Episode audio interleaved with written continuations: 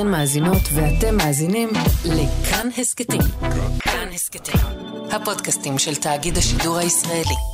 כל שני וחמישי אנחנו שומעים על המשבר הבא שירעיד את הקואליציה, הסערה שמאיימת על שלמות הממשלה, וכבר קצת קשה לדעת מה באמת משבר אמיתי ומה השרירים שהח"כים עושים אחד לשני. אבל יש נושא אחד שהרבה מאוד ח"כים בתוך הממשלה והקואליציה טוענים שהוא בנפשם. יש כאלה שקוראים לו רפורמת החקלאות שתוזיל את האוכל פה, ויש מי שקוראים לזה ריסוק החקלאות העברית. ואנחנו בעוד יום שואלים, למה לא גם וגם? היי, אתם מאזינים לעוד יום, אני עקיבא נוביק, גילוי נאות, בן של חקלאי. תכף ניכנס לכל הפרטים של הרפורמה שאמורה להוזיל את מחירי הפירות, הירקות, הביצים, מוצרי החלב. אבל בואו נשמע את האיום של קבוצת ח"כים מתוך הקואליציה בראשות רם שפע מהעבודה, כמו שהשמיע אותו אתמול שפע בקלמן ליברמן. אנחנו אה, נעדר מההצבעות כדי להבהיר שהקואליציה לא יכולה להתנהל באופן חד צדדי.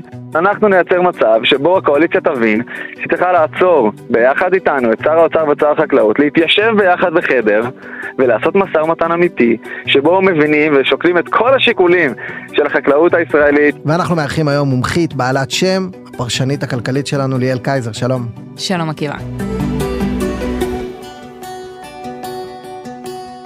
מה בעצם אה, אומרת הרפורמה הזאת? מה המטרה? המטרה של הרפורמה הכי פשוטה שיש, שיהיה לך יותר זול כשאתה הולך לסופר. אתה זוכר, היה עכשיו קיץ, ודיברנו על זה שמחירי הנקטרינות בשמיים, והדובדבנים, ולקנות אננס בישראל זה disaster. המטרה היא להעלים את השיח על כל העניין הזה אה, מהשולחן. אנחנו קצת רגילים לשמוע אה, שזה פרי שלא בעונה ודברים כאלה. יש לי חדשה מאוד חשובה לספר לך, אני חושבת שישראל היא אחת המדינות היחידות שמדברים בה על פירות שבעונה ופירות שלא בעונה. ביתר העולם אתה לא תסתובב ותגלה שאין אננסים כי זה לא בעונה. רוצה לנחש למה? כי מה, כי מייבאים ממדינות שזה כן העונה אצלם? כי מייבאים. כי בישראל מבנה החקלאות נועד לשמור על החקלאי הישראלי. אתה יכול להגיד שזה אה, עניין רומנטי, אתה יכול להיות קצת יותר ציני כמוני ולהגיד שזה עניין של קבוצת אינטרס קטנה ששולטת כבר עשורים בכמה מפלגות. אבל אם אני מגדל תפוז בישראל ויש במדינה שכנה תפוז יותר זול ויותר טעים, למה אפשר לייבא אותו עכשיו?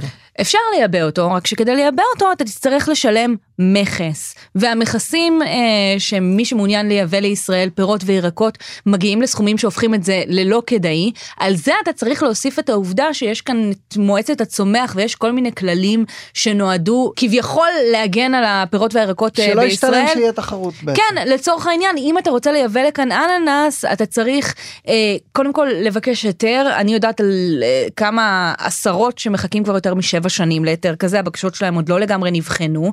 וחוץ מזה, אתה צריך אה, לפי חוקי הגנת הצומח לחתוך את הראש של האננס, כי לכאורה זה עלול אה, להביא מחלות לישראל, אבל זה אומר שאתה מקצר את משך חיי הפרי בהרבה זמן, אז במקום להביא אותו באונייה, אתה צריך להביא אותו לכאן במטוס. זה מייקר לך את השינוע בטירוף.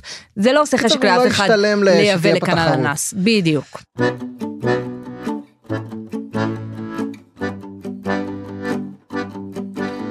ומה אומרת הרפורמה? אז הרפורמה אומרת שבמשך uh, בערך uh, חמש שנים המכסים מפירות וירקות יוסרו באופן uh, הדרגתי, על חלקם באופן מיידי, על חלקם בתקופה ממושכת יותר, ותהיה אפשרות להביא לכאן פירות וירקות ולהתחרות באופן חופשי עם תוצרת שמגיעה מעבר לים, כשאתה מוסיף לזה עלויות שינוע ודברים מהסוג הזה. החקלאים הישראלים כמובן יסבלו מהעניין הזה, ההערכה היא שזה משהו שיחסוך למשפחה ישראלית בערך 800 ומשהו שקלים בשנה. אני חושבת שזה זה כאילו לא נשמע כמו כסף גדול, אבל אני חייבת להגיד, א', זה יהיר להגיד כזה דבר, אנחנו מדברים על 50, 60, 70, 80 שקל בשנה למשפחה ישראלית, כשאנחנו רואים את הצריכה של פירות וירקות אה, לאדם, לנפש בישראל, הולכת וצונחת לאורך השנים. 50, 60, 70 בחודש למשפחה, בשיתוף עוד כמה רפורמות. בסך הכל מנסים להוריד את יוקר המחיה. כן, מנסים להוריד את יוקר המחיה. אה, כמובן שמי שנפגעים מהעניין הזה הם החקלאים הישראלים, עד עכשיו הם נהנו מהגנה, עכשיו אפשר אה, אה, לגרום להם להתחרות בשוק החופשי, יכול להיות שיהיה מי שיהיה יותר אטרקטיבי מהם, ולכן הרפורמה הזאת כוללת גם אה, תמיכות אה, ישירות בחקלאים, הם אמורים להיות מפוצים על כל אה, דונם שיש ברשותם. במשרד האוצר אומרים, זה מודל שעובד במדינות אחרות בעולם, שמעוניינות לשמר את החקלאות, היא תומכת בחקלאים ישירות, במקום לייצר לחקלאים החקלאים, סיטואציה שבה עם ישראל נאלץ לתמוך בהם שלא מרצונו. כלומר הם יקבלו כסף ויוכלו עדיין להמשיך לגדל בדונם הזה את הפרי שלהם ופשוט למכור אותו בתחרות עם כל העולם. נכון, ממש ככה.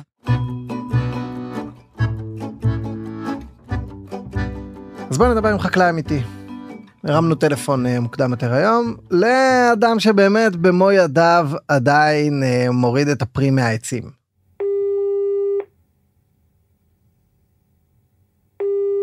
הלו, בר חפץ. שלום. שלום, איפה אנחנו תופסים אותך? אה, בדרך בחזרה למטע. איזה מטע? מה, מה קוטפים? קוטפים אבוקדו, מטע של קיבוץ נירים. אנחנו בשיא העונה, תחילתה, סופה? אה, שיא, שיא. כמה למשל קוטפים היום? 12 טון, 13 טון, כמה שיצא. וכמה המחיר אה, בשוק? אה, נורא תלוי של מה. בארץ, כאילו אטינגר, נגיד שזה מה שכותבים לשוק המקומי, נורא תלוי באיזה סופר אתה קונה את זה, אבל אנחנו מקבלים בערך שלושה שקלים עכשיו. מה שהולך לחוץ לארץ, תלוי מה, אם זה אס, אז זה בערך פי שתיים, אז אני מקבל שישה, שישה וחצי שקל. ואם אה, מהעונה הבאה אה, יורידו מכסים של יבוא ויאפשרו לייבא לפה אבוקדו מכל העולם, איך אתם תוכלו להתמודד בשוק הזה? לא, תראה, אבוקדו זה לא גידול שייפגע בצורה הזאת מהיבוא, יכול להיפגע בגלל דברים אחרים. סך הכל זה גידול ייצוא בישראל. איפה אתם אה, תיפגעו מרפורמת החקלאות? תראה, מה שקורה באבוקדו לדוגמה, העונה בארץ היא, בוא נגיד, היא סביב אה, שמונה, תשעה חודשים שאתה מקבל אבוקדו עם אה, מחיר סביר, ובאמת יש איזה חודשיים בקיץ שהמחיר קופץ אה, לשמיים. זה חודשיים שעל פניו, כאילו כלכלית, אה, שווה לייבא לפה אבוקדו. כאילו, במקום שהמחיר יהיה 50 שקל אה, לקילו שבסופר, אז יהיה מחיר של סביב ה-20, 20 וקצת. שקל. בוא נגיד יולי, אוגוסט, מאמצע יוני, אני יודע מה, שכלכלית שווה לייבא. איפה מתחילה הבעיה? אבוקדו בישראל לא מרססים נגד מזיקים, בכלל. לא מרססים, לא, לא סתם, זה לא נפל משמיים, זה השקעה של אה, באמת מאות אלפי שקלים, אם לא מיליונים בודדים כל שנה בהתעסקות בהגנת הצומח בשביל שלא נצטרך לרסס. אה, על פני עשורים זה סכומים אה, מאוד גבוהים. ואתה מקבל אבוקדו שלא רוסס מעולם נגד מזיקים. בכל מיני חומרים שהם גם לא טובים לסביבה וגם לא טובים למי שאוכל בסוף וגם לא טובים לחקלאי. אוקיי. במקומות שמהם יביאו הנה אבוקדו, שזה בעונות הרלוונטיות, זה כנראה או מפרו או מדרום אפריקה. ואתה אומר אה, שיהיה פה אבוקדו פחות טוב. שני דברים בעייתיים. אחד, הוא יהיה פחות טוב כי הוא יהיה מרוסס. מבחינתי זאת הבעיה היותר קטנה. הבעיה זה שיש מה שנקרא הגנת הצומח. זה ארצות שיש בהן מזיקים של אבוקדו שאין בארץ. ואם המזיקים האלה יגיעו עם האבוקדו מפרו למשל, אנחנו נצטרך להתחיל לרסס פה, ואז זה עולם אחר של עלויות כבר, ואנחנו לא רוצים להגיע לשם. אבל בוא ניקח בר את טיעוני הקצה אה, כן. נגד הרפורמה. שהיא באמת אה, תגרום נזק גדול לחקלאות כאן, ושהיא אולי ת, תכרות את הענף ותחסל את החקלאות בישראל. ונשאל, אולי אם הממשלה רוצה להוריד את המחירים, גם במחיר הזה, זכותה. היא ממשלה נבחרת, אתה יודע, עד היום תמכו בחקלאות, עכשיו הם מחליטים אה, לסגור את הענף. תראה, א' כל ממשלה נבחרת וזכותה לעשות מה שהיא רוצה. אה, גם זכותי לחשוב שהיא טובה ולנסות להתנגד לזה. אה, אני חושב אבל שמי שחושב שפתיחת מכסים בלבד תוריד פה את המחירים חי בעולם של לה-לה-לנד. כאילו שום רפורמה כאן שלא תטפל גם במקטע הקמעונאי של כל הסיפור הזה, לא תוריד מחירים משמעותית. יכול להיות שבשוליים כן, דרך אגב, כל הגידולים העיקריים שנפתחו ליבוא עד היום, השניים הגדולים שבהם זה תפוחים ועגבניות, ושניהם היבוא רק העלה את המחיר, כאילו כמה שזה אבסורדי וואלה. להגיד את זה. הוא שיטח אותו והעלה אותו, ההסבר הוא קצת ארוך, אבל הוא... בגדול. נגיד, אין יותר פיקים של עגבנייה ב-20 שקל, זה נכון, אבל גם אין יותר כמעט עגבנייה ב-2.5 שקל. כלומר השוק אה, מבוסת ו- ולא מוצף אף פעם ולא חסר. כן, הוא מוצף ולא חסר, ומצד שני המחיר הממוצע יותר גבוה ממה שהמחיר הממוצע היה קודם. זה מה שקורה אה, לרוב ביבוא. כי עדיין לגדל כאן חלק גדול מהדברים, העלות גידול יותר זולה מהיבוא. וחקלאי מרוויח, כאילו חלק מהרווח שלו מתבסס גם על הפיקים שקשה לגדל בהם. אתה יודע, על העונות קצה, ואם אתה הורס לו את הרווח בתקופה הזאת, אז פתאום כל הגידול נהיה לא כלכלי, השטחים יורדים, המחירים עולים ו- וכדומה. תוצרת טרייה זה עולם מורכב. אתה יודע, זה לא חולצות או פחיות שימורים או מכוניות שאפשר להחזיק במחסן איפשהו. אז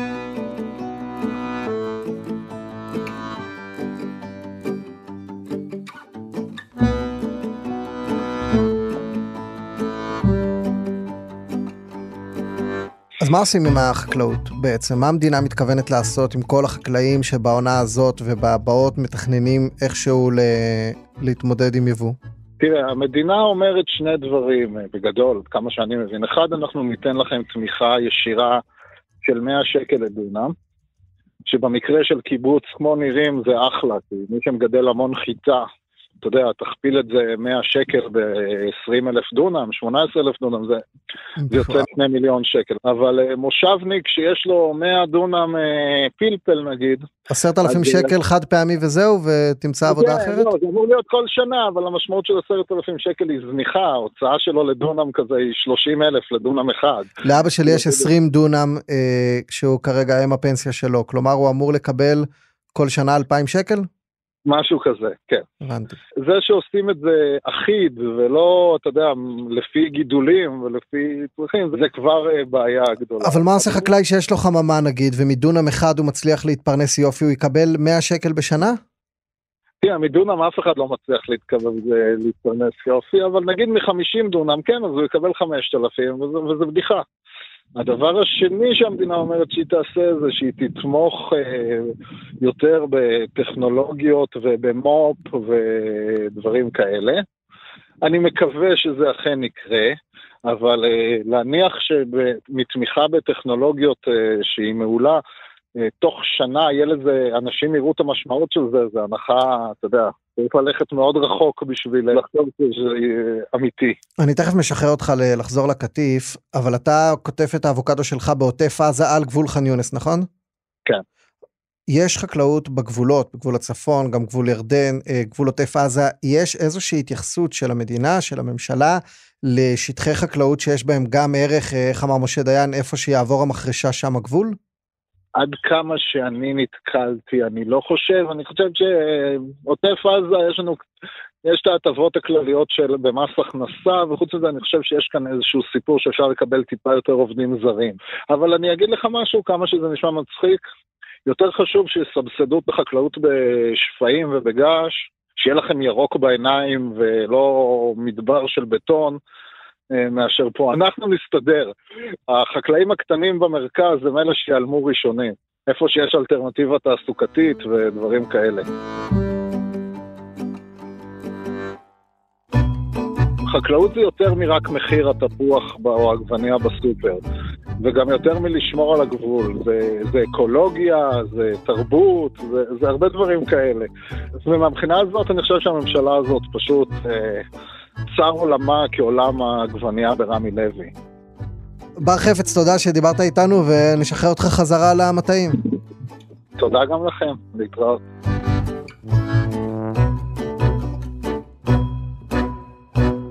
אז אני חייב לומר לך את אה, דעתי אה, כנצר למשפחת חקלאים.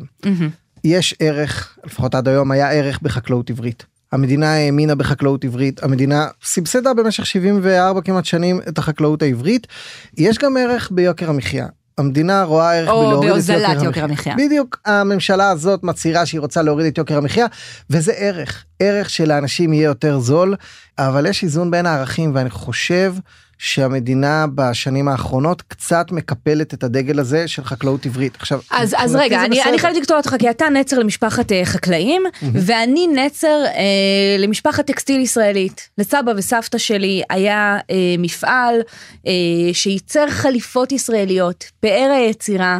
אה, והיו להם אה, אה, עשרות עובדות ועובדים והם פרנסו משפחות ישראליות ממעמד סוציו-אקונומי נמוך ועל סבא שלי תמיד מספרים שלא משנה מה היה המצב הכלכלי שלו עצמו הוא בחיים לא איחר בתשלום משכורות לעובדות שלו והוא ראה בזה ערך. ערך. ו- והם היו אנשים עמידים בשנות ה-70 ובשנות ה-80 ואפילו קצת בהתחלה של שנות ה-90 הם עוד היו לוקחים אותנו אה, לבית מלון באילת בקיץ. הם היו אנשים עמידים ואז הגיעו שנות ה-90 אה, ומדינת ישראל החליטה שהיא לא מעוניינת שאתה תשלם כל כך הרבה כסף על בגדים. אז פתחו ליבוא. אז עשו פתחו רפורמת ליבוא, הבגדים. עשו רפורמת הבגדים. אה, ו- ואל תשכח שפעם אה, גם כל המודל הזה של פועל עברי ותופרת עברית ופועל בניין עברי וכל הדברים האלה, גם הם היו חלק מהערך שלנו. השאלה אם עם ישראל יבחר לחיות ביוקר כשהוא יכול לחיות יותר בזול. השאלה בעיניי זה אם אה, נקטרינות ודובדבנים ותפוזים הם מה שהיה בשנות ה-70 וה-80 הטקסטיל העברי. כן, אותי, אותי אתה לא תשכנע שהדובדבן של אבא שלך הוא יותר ציונות מהחליפה של סבא שלי. זו ציונות, זו הייתה ציונות, אבל מה לעשות שיקר לחיות כאן.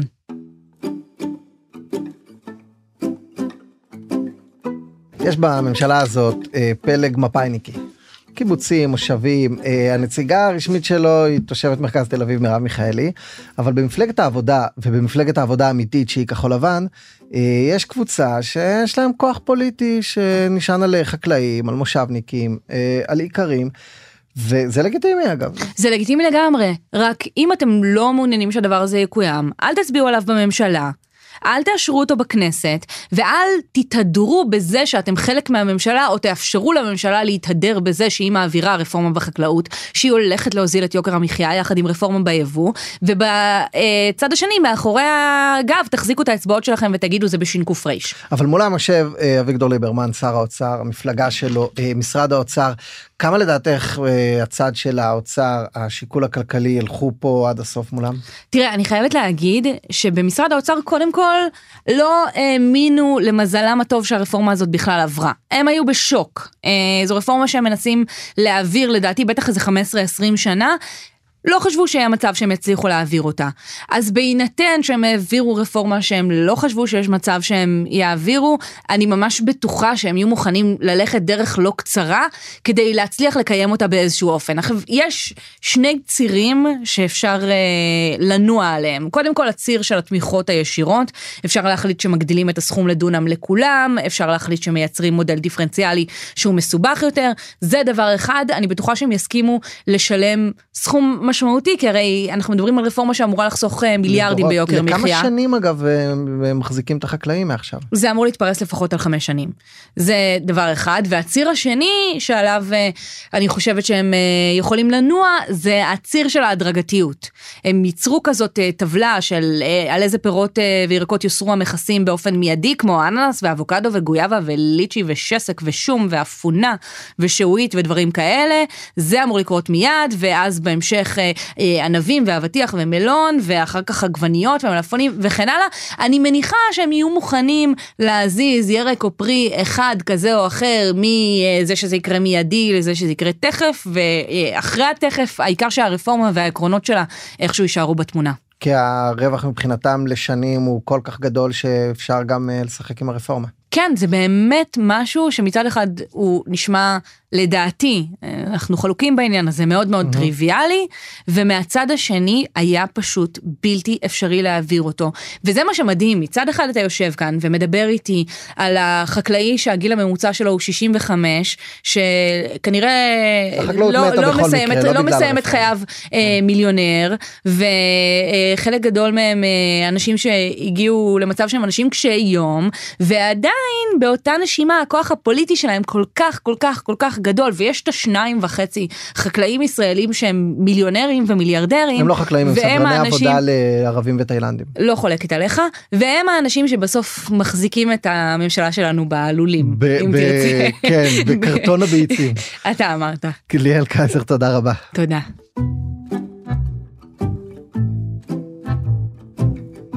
האזנתם לפרק של עוד יום. העורך והמפיק הם דניאל אופיר, עיצוב קול ומיקס עשתה רחל רפאלי, ביצוע טכני חיים זקן ואילן אזולאי, תודה רבה לכולכם.